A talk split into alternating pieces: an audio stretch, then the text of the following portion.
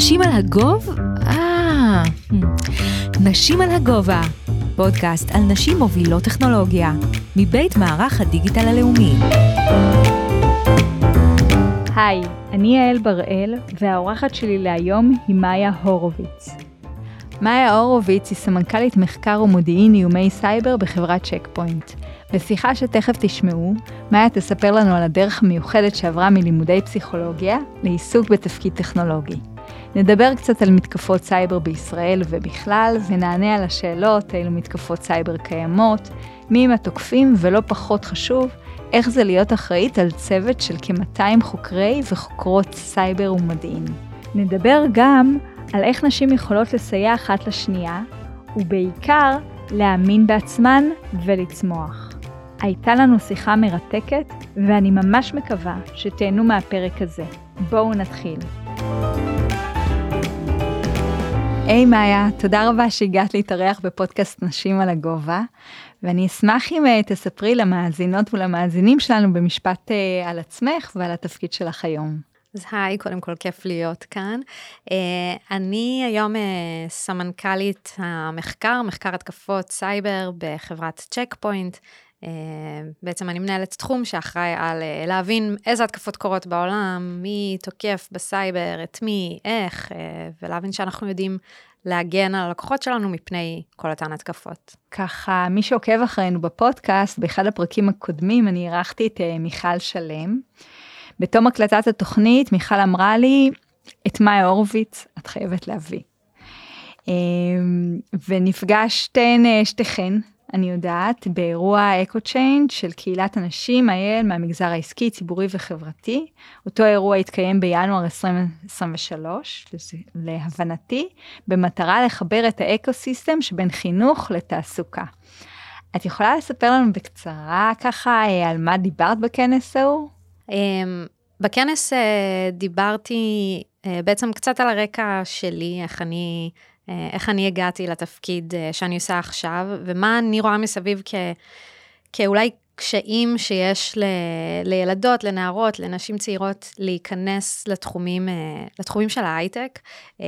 זאת אומרת, איזה סכמות יש בעולם שמונעות, שמונעות מהן לרצות בכלל להיכנס לתחום הזה, וגם מנעו ממני בזמנו, ומה אני חושבת שאפשר לעשות קצת כדי לשנות את זה, ואיך אני מצאתי את, ה, אה, את הדרך שלי בתוך, אה, בתוך עולם ההייטק. סכמות זה פרדיגמות? כאילו, תפיסות שלנו את עצמנו? כן, תפיסות שלנו את עצמנו, של, ה, של הסביבה והחברה עלינו. אמ, חקרתי עלייך קצת לפני התוכנית, ואת מופיעה ברשימת 40 הצעירים והצעירות המבטיחים של מגזין דה מרקר לשנת 2021. רוצה לשתף? כן, הייתי ברשימה. אני חושבת אה, שזה בעיקר אה, בזכות, או אפילו נגיד באשמת, זה שאין אה, המון נשים בכירות בהייטק הישראלי. וכנראה זו, זו הסיבה שמצאו לנכון לכלול אותי ברשימה בתור סמנכ"לית יחסית צעירה בחברה ישראלית, אך גלובלית אה, מאוד, מאוד גדולה ומשמעותית. אה, כן, זה היה לכבוד להיות שם. אז התחושה היא ככה מקום שאם אנחנו מתכתבים עם המשפט הקודם שלך, אם, אם זה אותן סכמות שאת מנפצת, או שאת ככה שואפת לנפץ עבור עצמך ועבור אחרות? אני שואפת עבור עצמי לעשות את מה שאני נהנית ממנו אה, באותו רגע. ו... ואני נהנית מ... מ... אה, מלנהל, מלהיות חלק ממשהו משמעותי, גדול, אה, להוביל גם אנשים וגם תחומים מקצועיים. אה, ואני יודעת שיש, אותן הסכמות אומרות ש, שנשים בדרך כלל לא ינהלו כאלה קבוצות גדולות, אני מנהלת היום 200 אנשים בערך, ובטח שלא בתחום של, של ההייטק, ובתוך זה בטח שלא ממש בליבה הטכנולוגית, אלא אם כבר בתחומי מעטפת, אז uh, ממש להיכנס שם למרכז של, ה, של התעשייה, uh, זה משהו שהוא לא טריוויאלי באיך שאנחנו תופסים את העולם. אז ככה, אמרת שאת מנהלת... Uh... מעל 200, אני, אני יודעת, ותתקני אותי, חוקרים וחוקרות סייבר ומודיעין. איך, מה זה אומר להיות אחראית על צוות כזה גדול? כן, אז רוב, רוב הצוות הוא של, של חוקרות וחוקרי מודיעין, מודיעין סייבר, וגם מפתחות ומפתחים. זה אומר המון, המון עבודה, המון, המון דאגות, כשכמובן חלק מזה זה, זה דאגות ופרויקטים מקצועיים, אבל אני תמיד גם מאוד מאוד לוקחת את זה לתחום האישי, ואני מרגישה שאני לפעמים, אה, המצרפי של כל הרגשות של כל העובדים שלי.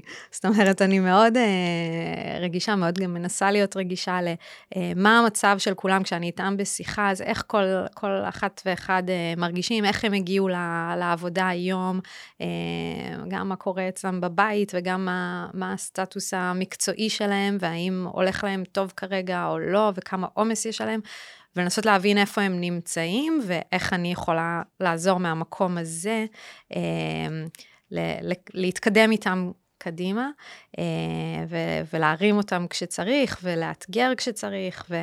אה, אז, אז מבחינתי, הלנהל כזו, כזו כמות גדולה, זה, זה סופר מספק מצד אחד, אבל גם, גם קשה, גם כמובן אה, מקצועית וגם, אה, וגם רגשית. עוד משהו שאת ככה היית רוצה אה, לשתף אותנו מהזווית הניהולית, או בכלל בחוויה של להיות סמנכ"לית צעירה במבנה הארגוני שלכם? אני חושבת שבתור סמנכ"לית צעירה, יש, יש דברים שאני עושה אחרת ממנהלים שהם, שהם ותיקים יותר, אה, ושאני מקווה להצליח לשמר.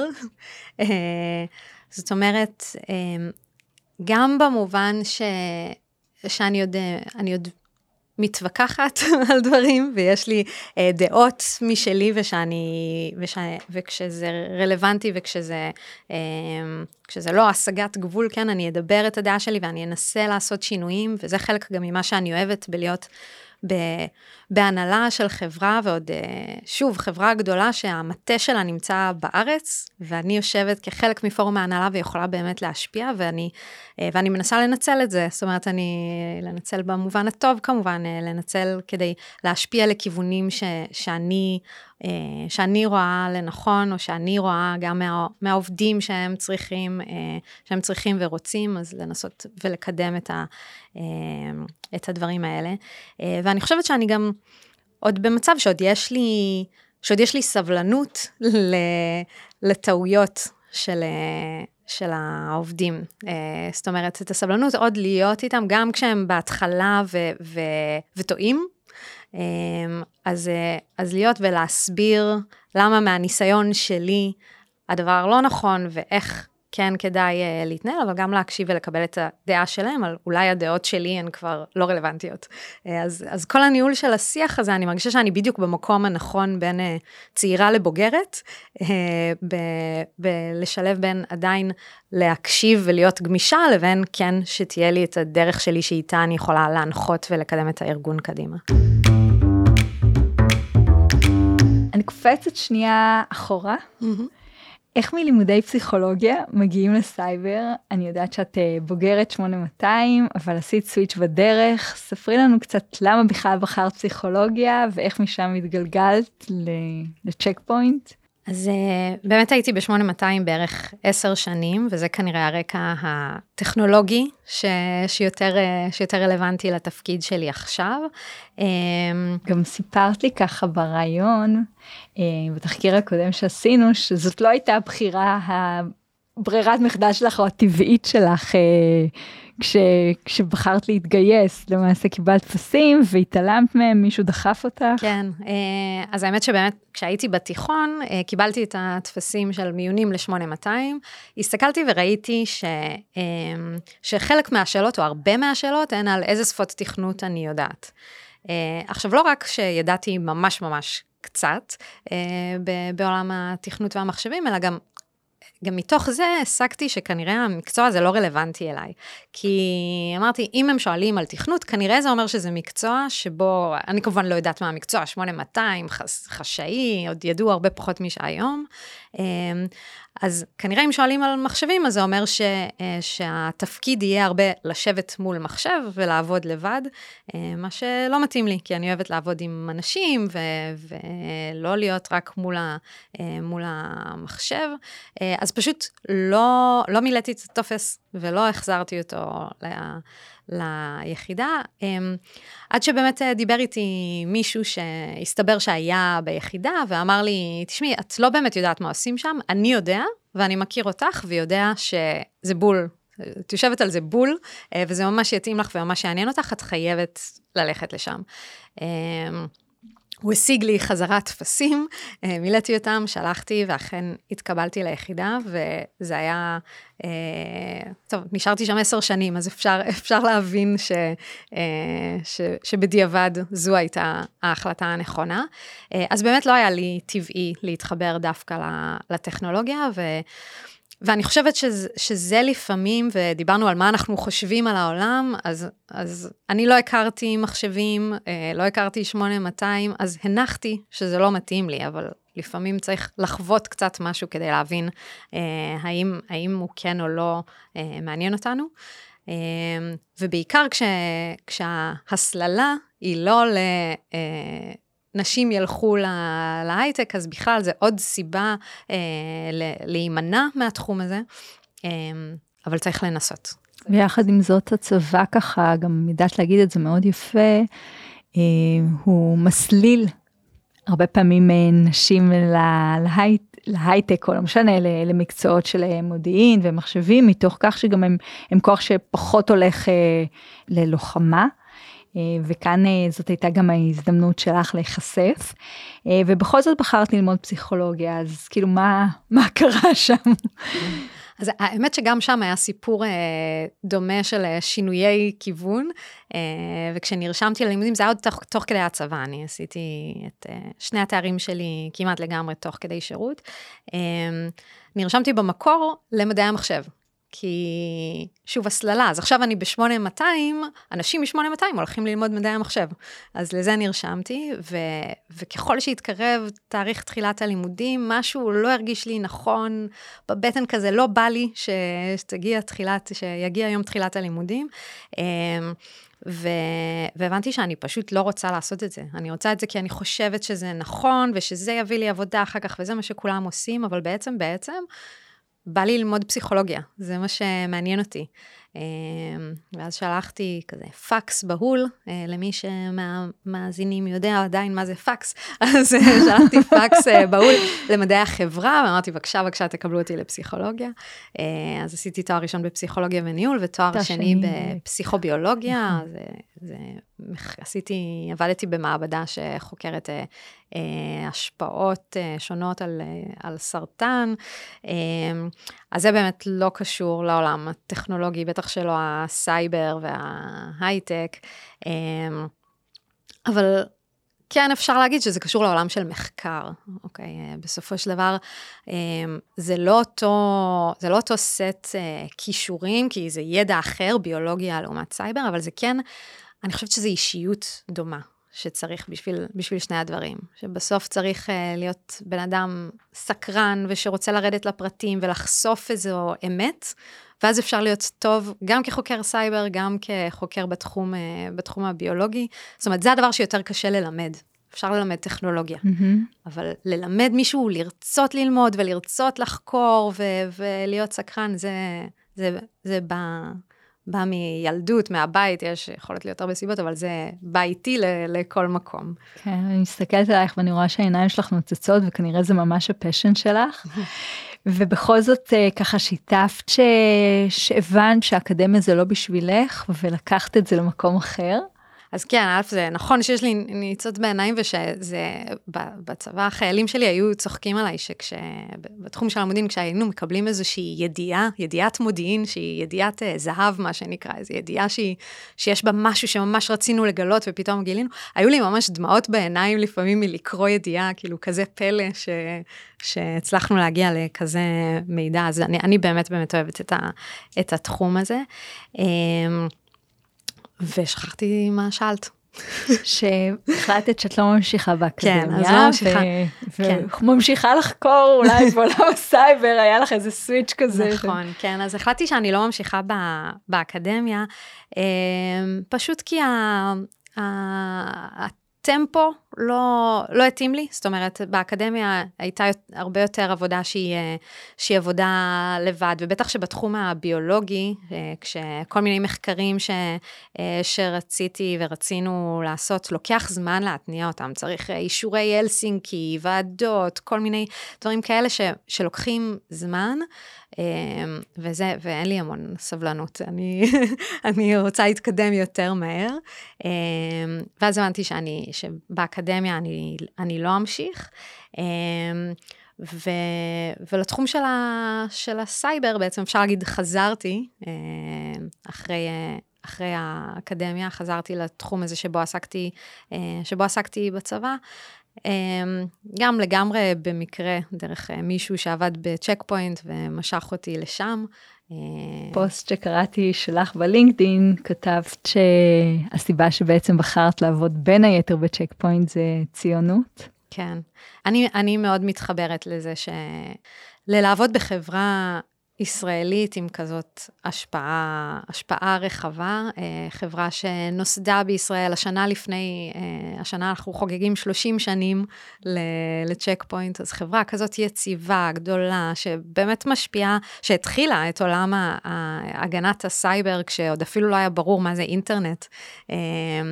וכזאת חברה שהיא פורצת דרך ומשמעותית ומגדלת גם את אה, תעשיית ההייטק הישראלית. זאת אומרת, הרבה אנשים ש, שצ'ק פוינט לימדה אותם מה זה בכלל אה, סייבר, או לימדה אותם אה, לתכנת. בסדר? והיום הם הקימו חברות וסטארט-אפים נוספים, וזה ממש מפתח פה את כל האקו-סיסטם של, של ההייטק, ובפרט כמובן הסייבר הישראלי. אז, אז מבחינתי להיות חלק מדבר כזה, זה ממש, זה ממש גאווה, וחברה שכמובן משלמת מיסים בארץ וכולי, זאת אומרת, בסוף אני, אני מאוד אוהבת את זה ורואה את זה כעוד נקודות בונוס ל, ללעבוד שם. אז אה, בואי נרד קצת לעומק בתחום שאת עוסקת בו. היום אנחנו שומעים על סייבר בכל מקום. תני לנו רגע סקירה קצרה, שנבין מה מאיים במרחב הזה ואיך יכולים לתקוף אותנו ובאילו מצבים. תחום של התקפות הסייבר הוא מאוד מאוד מאוד רחב ו- ומגוון. אמ, כשחלקו זה התקפות אה, של, או בעצם הבסיס שלו זה תוקפים שמחפשים לעשות כסף. אה, וזה, אני אגיד, 90 ומשהו אחוז כנראה מההתקפות, זה פושעי סייבר. אנשים פרטיים אה, מחפשים דרך, ה, דרך ההתקפות לקבל כסף בדרכים שונות, אה, או לגנוב לנו כסף מהבנק כי הם גנבו לנו את השם ואת הסיסמה, או לקבל מאיתנו כסף דרך מתקפות כופר, תכף נדבר עליהן יותר, כי נראה לי שזה החלק הכי מעניין. אז 90 ומשהו אחוז פושעי סייבר. השאר, התקפות מדינתיות, כמובן, אה, מאוד, אה, אה, או יחסית שכיחות, אבל כמובן הרבה הרבה פחות, אלא התקפות שהן מאוד מאוד ממוקדות, מדינה נגד מדינה, בניסיון בדרך כלל אה, או להשיג מידע או לעשות איזשהו נזק פיזי, זאת אומרת לקשר בין עולם הסייבר אה, הקיברנטי לעולם הפיזי הקינטי. אה, אז, אז אלה התקפות מדינתיות. אגב, לפעמים גם מדינות מנסות לתקוף בסייבר כדי לקבל כסף, נגיד צפון קוריאה, ממש באופן די רשמי אומרת שהתקפות סייבר זה חלק מהדרך שלה להגדיל את התל"ג, את התוצרת הלאומית, אה, דרך זה שהם ירוויחו כסף. אה, המאזינים לא רואים אותי פה ואני פותחת עיניים, כי אני... אה, כן, זה, זה בסוף עולם שבאמת יש שם כל כך הרבה פרטים מעניינים ש, שחושפים כל כך הרבה על, ה, על העולם, וגם גיאופוליטיקה, ו, ומלא אינטרסים ומדינות שהן חברות ובעצם תוקפות. תוקפות אחת את השנייה כשהן חושבות שאף אחד לא רואה. אה, עולם באמת מרתק. אה, אז, אז בין פושעי הסייבר לבין המדינות, יש גם תחום אה, יחסית חדש שהתפתח מאוד בשנה האחרונה, של אה, אקטיביזם, שילוב של האקרים ואקטיביסטים, אה, שזה בעצם אנשים פרטיים, אבל הם תוקפים יעדים שהם יעדים אה, מדינתיים או, או שקשורים למדינה. זאת אומרת, הם תוקפים ממניעים מדינתיים. אה, וזה תחום שמאוד התפתח בעיקר מאז תחילת המלחמה של רוסיה ואוקראינה. Mm-hmm. כשאוקראינה ממש יצאה, הממשלה יצאה עם, עם הצהרה פומבית, שהם מבקשים לגייס מתנדבים לצבא הסייבר. והם פתחו, פתחו קבוצה, קבוצת טלגרם, mm-hmm. והציעו לאנשים פרטיים להצטרף אליה. אה, ובקבוצה הם פרסמו את היעדים להתקפה, בנקים רוסים, אה, גופי ממשל, אה, אתרי נשק וכולי וכולי. וכמות האנשים שהצטרפה לאותה קבוצת טלגרם, פאוזה דרמטית, פחות או יותר רבע מיליון אנשים. עכשיו. אז אנשים פרטיים שהם mm-hmm. לא מסכימים עם איזושהי אג'נדה פוליטית או גיאופוליטית, והם מתנדבים לתרום ידע, זמן, כדי לסייע. לא רק ידע וזמן, אלא ממש לתקוף, ממש ידיים על המקלדת, לתקוף כן. בנק רוסי, כי הממשלה האוקראינית ביקשה. עכשיו, זה יכול להיות אנשים אוק, אוקראינים, וזה יכול להיות אנשים מכל העולם, הם מצטרפים לצבא מתנדבים רשמי של המדינה. אה, בעודם אנשים פרטיים. אה, וזה פתח איזשהו פתח לעוד אנשים עם עוד אג'נדות אה, פוליטיות אה, וגיאופוליטיות, לעשות התקפות דומות, לא בהכרח בהקשר גם של רוסיה ואוקראינה. אז זה איזה טרנד מעניין כזה שאנחנו רואים במי תוקף את מי ולמה. ספציפית אם אני מסתכלת על המדינה הקטנה שלנו, אם יש לך קצת נתונים על מתקפות סייבר על ישראל? אני מניחה שרוב רוב מי שמאזינים לנו אה, חושבים שישראל מותקפת אה, הרבה יותר משאר, אה, משאר מדינות העולם, כי אנחנו רגילים להיות המדינה הקטנה המוקפת האויבים.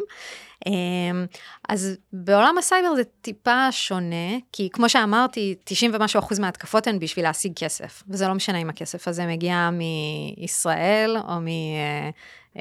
ארצות הברית, מצרפת או מיפן. אז, אה, ולכן אנחנו מותקפים במובן הזה, בדיוק באותה מידה שכל מדינה אחרת תהיה מותקפת. אה, רק שאני אני כן אגיד שלפעמים תוקפים בוחרים במדינות שככל הנראה יש בהן פחות הגנות סייבר. מדינות עניות יותר, מדינות עם פחות טכנולוגיה, נגיד ברזיל והודו הן בדרך כלל המדינות הכי נתקפות, אה, כי פחות טורחים בהן על uh, היגיינה של מחשבים, אוקיי? על uh, לעדכן גרסאות ולהשתמש בטכנולוגיה של, uh, של אבטחה וכולי. אז ישראל דווקא במובן הזה במקום יחסית טוב uh, באמצע, uh, ו, ובהתקפות על ישראל אנחנו רואים שפחות או יותר... uh, יש 15 אחוז יותר התקפות לארגון מאשר ב, ב, בממוצע הגלובלי. אוקיי, אז זה, זה לא איזה משהו שהוא מאוד משמעותי. אוקיי, okay, ארגונים זה ארגונים עסקיים, לאו דווקא גופים ממשלתיים. נכון. כל ארגון, האמת ש, שגופים ממשלתיים, אה, אם כבר את שואלת, אז בעולם, אה, התעשייה שהכי נתקפת, גם בעולם וגם ספציפית בישראל, היא גופי חינוך, אה, אוניברסיטאות וכולי, כי אפרופו פחות מוגנים, אז האוניברסיטאות הרבה פעמים אה, נותנות אה, אה, חופש אקדמי להכניס, אה, להכניס אה, לפטופים וכולי, ויש כזה רשת של, של סטודנטים ועורכים, אז לפעמים זה יותר קל לתקוף, ולכן לכן האקרים יבחרו. שהמוטיבציה שם היא שוב כסף, או זה נגישות כן. לדאטה, או... גם וגם. או אה, זה מוניטין? זה, זה גם כסף, כמו מול כל ארגון אחר, וגם דאטה, לפעמים בעיקר מול אוניברסיטאות שיש להן שיתופי פעולה. אה, ממשלתיים, ו, ויש הרבה כאלה, אז, אז זה גם יעד. אז גם בעולם וגם בישראל, חינוך, אה, אוניברסיטאות, זה, זה הסוג הגופים שהכי, שהכי נתקף. בעולם, הסוג השני הוא גופי, גופי ממשלה וצבא.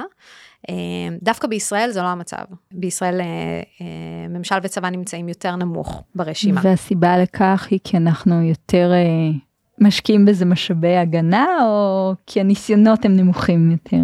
בסופו של דבר, לנו יש אה, אויבים, אבל הם יחסית אה, קטנים.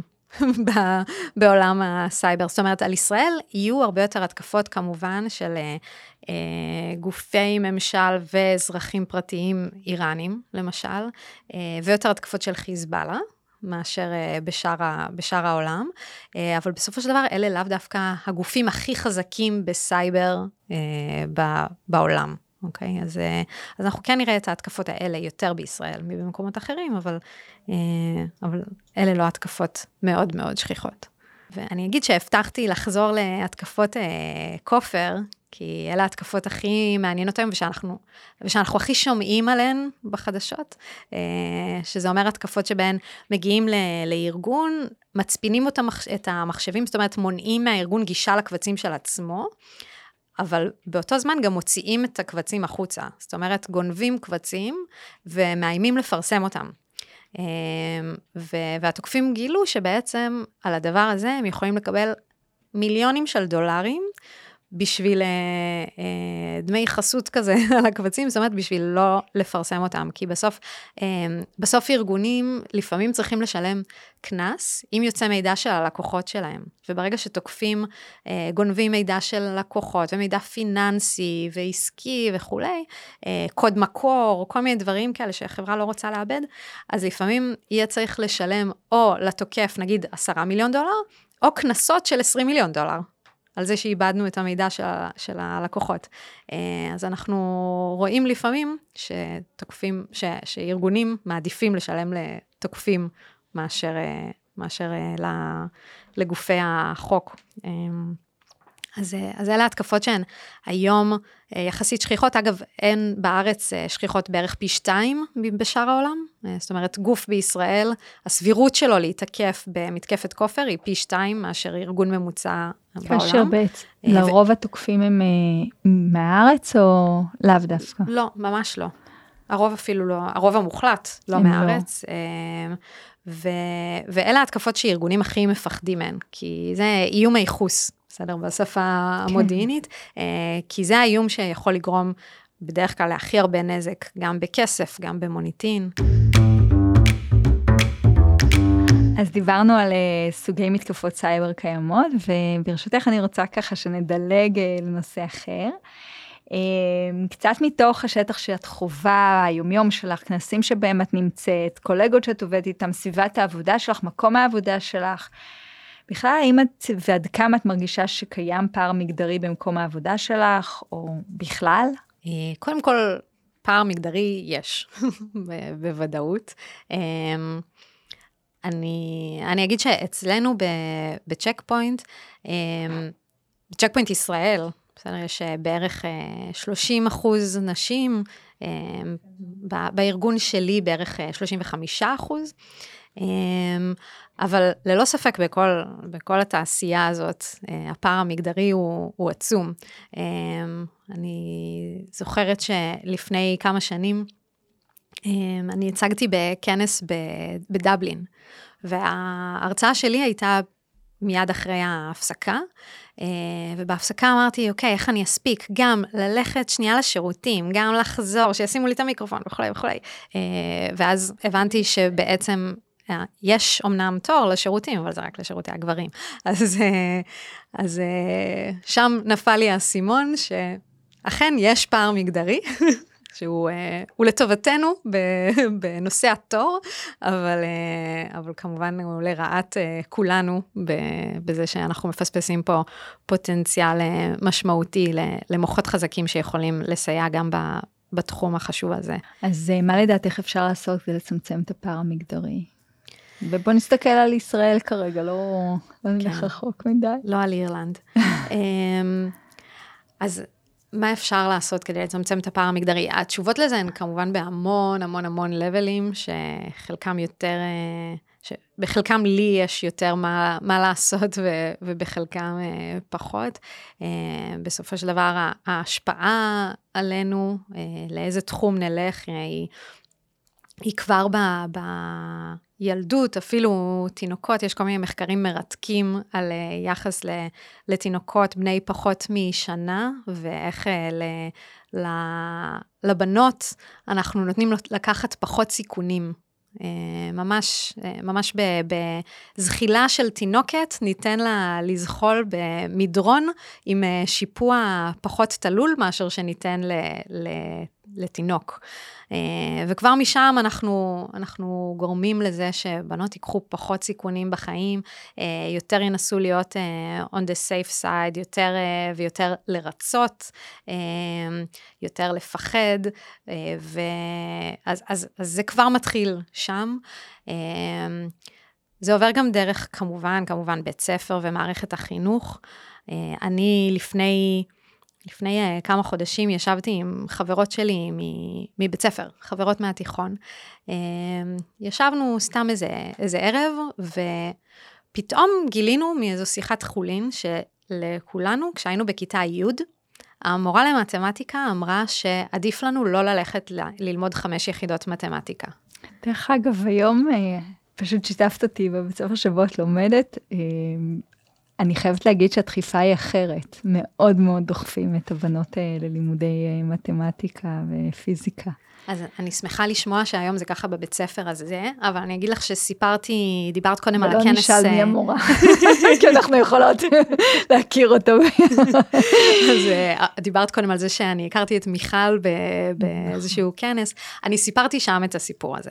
סיפרתי את זה שאני רק אשלים את הסיפור שבאמת ה... אנחנו חמש חברות, לכולנו אמרו לא ללמוד חמש יחידות מתמטיקה, רובנו כן למדו והצלחנו, אה, אני חושבת שאני סיימתי בציון סופי 99.5, אז אולי אם הייתי גבר הייתי יכולה את העוד חצי נקודה סתם, אה, אבל, אבל, אה, אבל לבנים, לקבוצת הבנים המקבילה שלנו לא אמרו את זה. ו, ומזל ש... ש זה לא מה שהשפיע עלינו בבחירה. אבל כשסיפרתי את הסיפור הזה באותו כנס, אה, הרגשתי כמו, ב, כמו בקבוצת תמיכה, שהתחילו לקום אנשים מהקהל ולהגיד, גם לי זה קרה, גם לי זה קרה, וחמור מזה, גם לבת שלי זה קרה.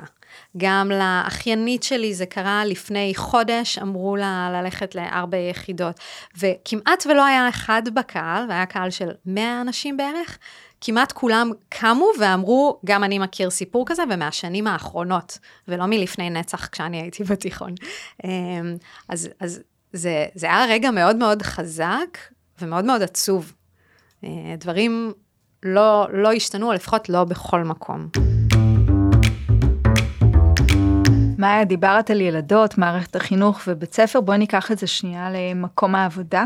איך אה, לדעתך ומה ניתן לעשות כדי לטפל בבעיה? אז יש, יש כמה דברים שאני מנסה לעשות בחלקת האלוהים הקטנה שלי. אמ, חלק מזה זה שבצ'ק פוינט יש לנו תוכנית של מנטורינג מנשים לנשים, אז אה, הנשים הקצת אה, יותר בכירות, ספציפית אגב בארגון הפיתוח, ה-R&D, שהוא הארגון הכי גברי לכאורה, אז דווקא שם זה, זה הכי חשוב ומשמעותי.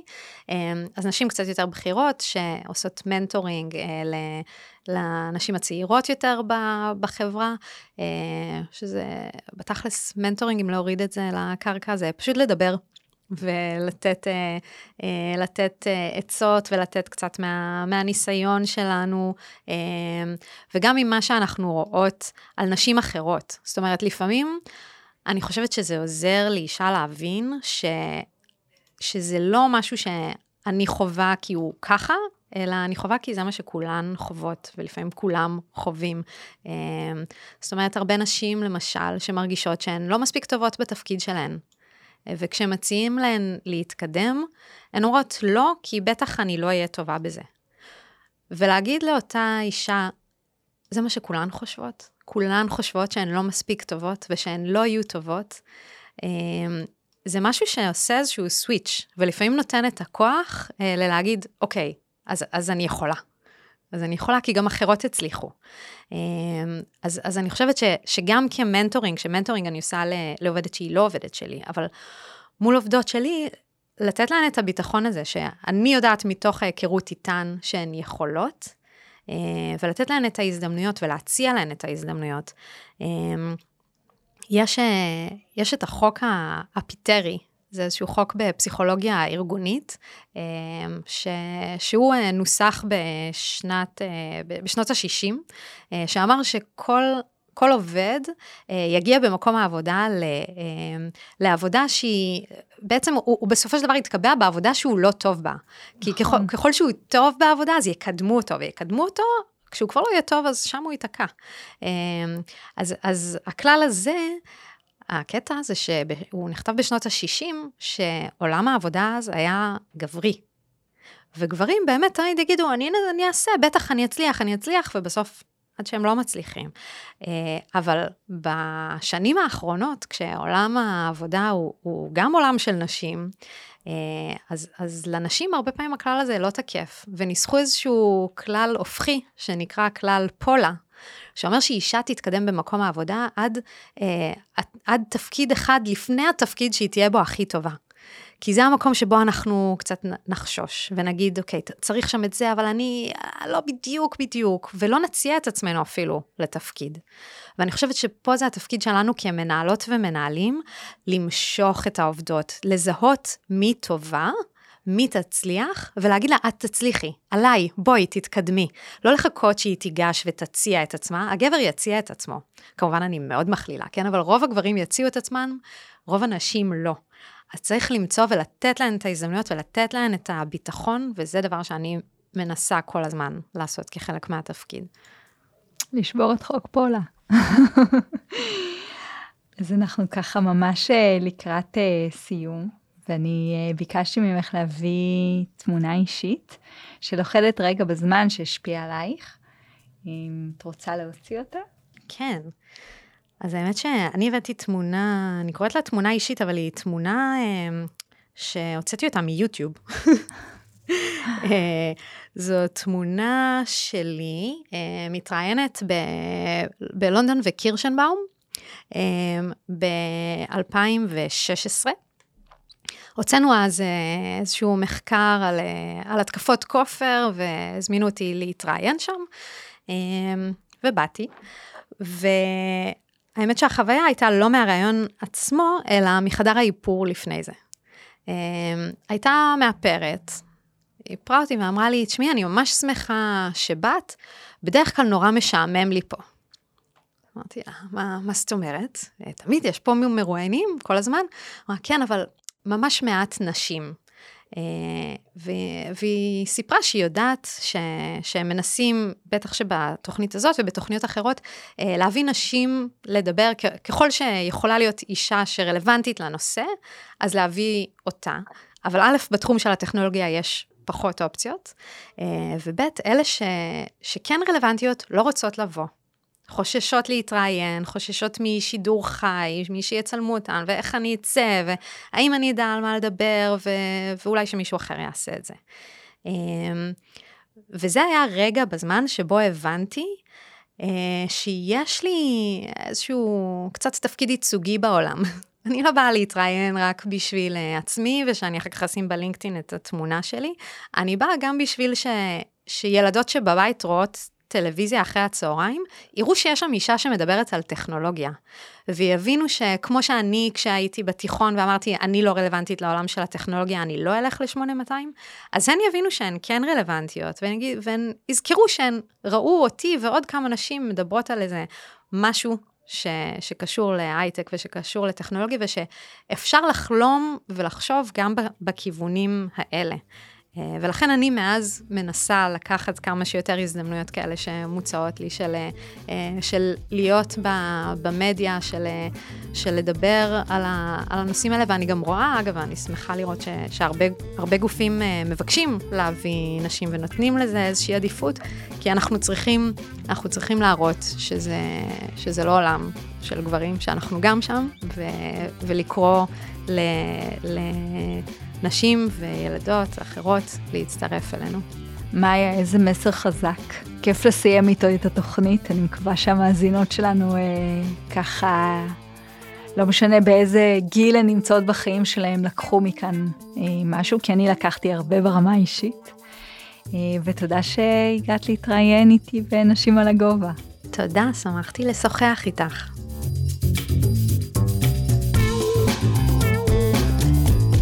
תודה רבה שהאזנתן והאזנתם לנשים על הגובה.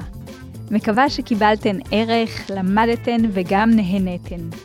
תמשיכו לעקוב אחרינו בכל מקום שיש בו פודקאסטים ולשתף עם חברות ועמיתים.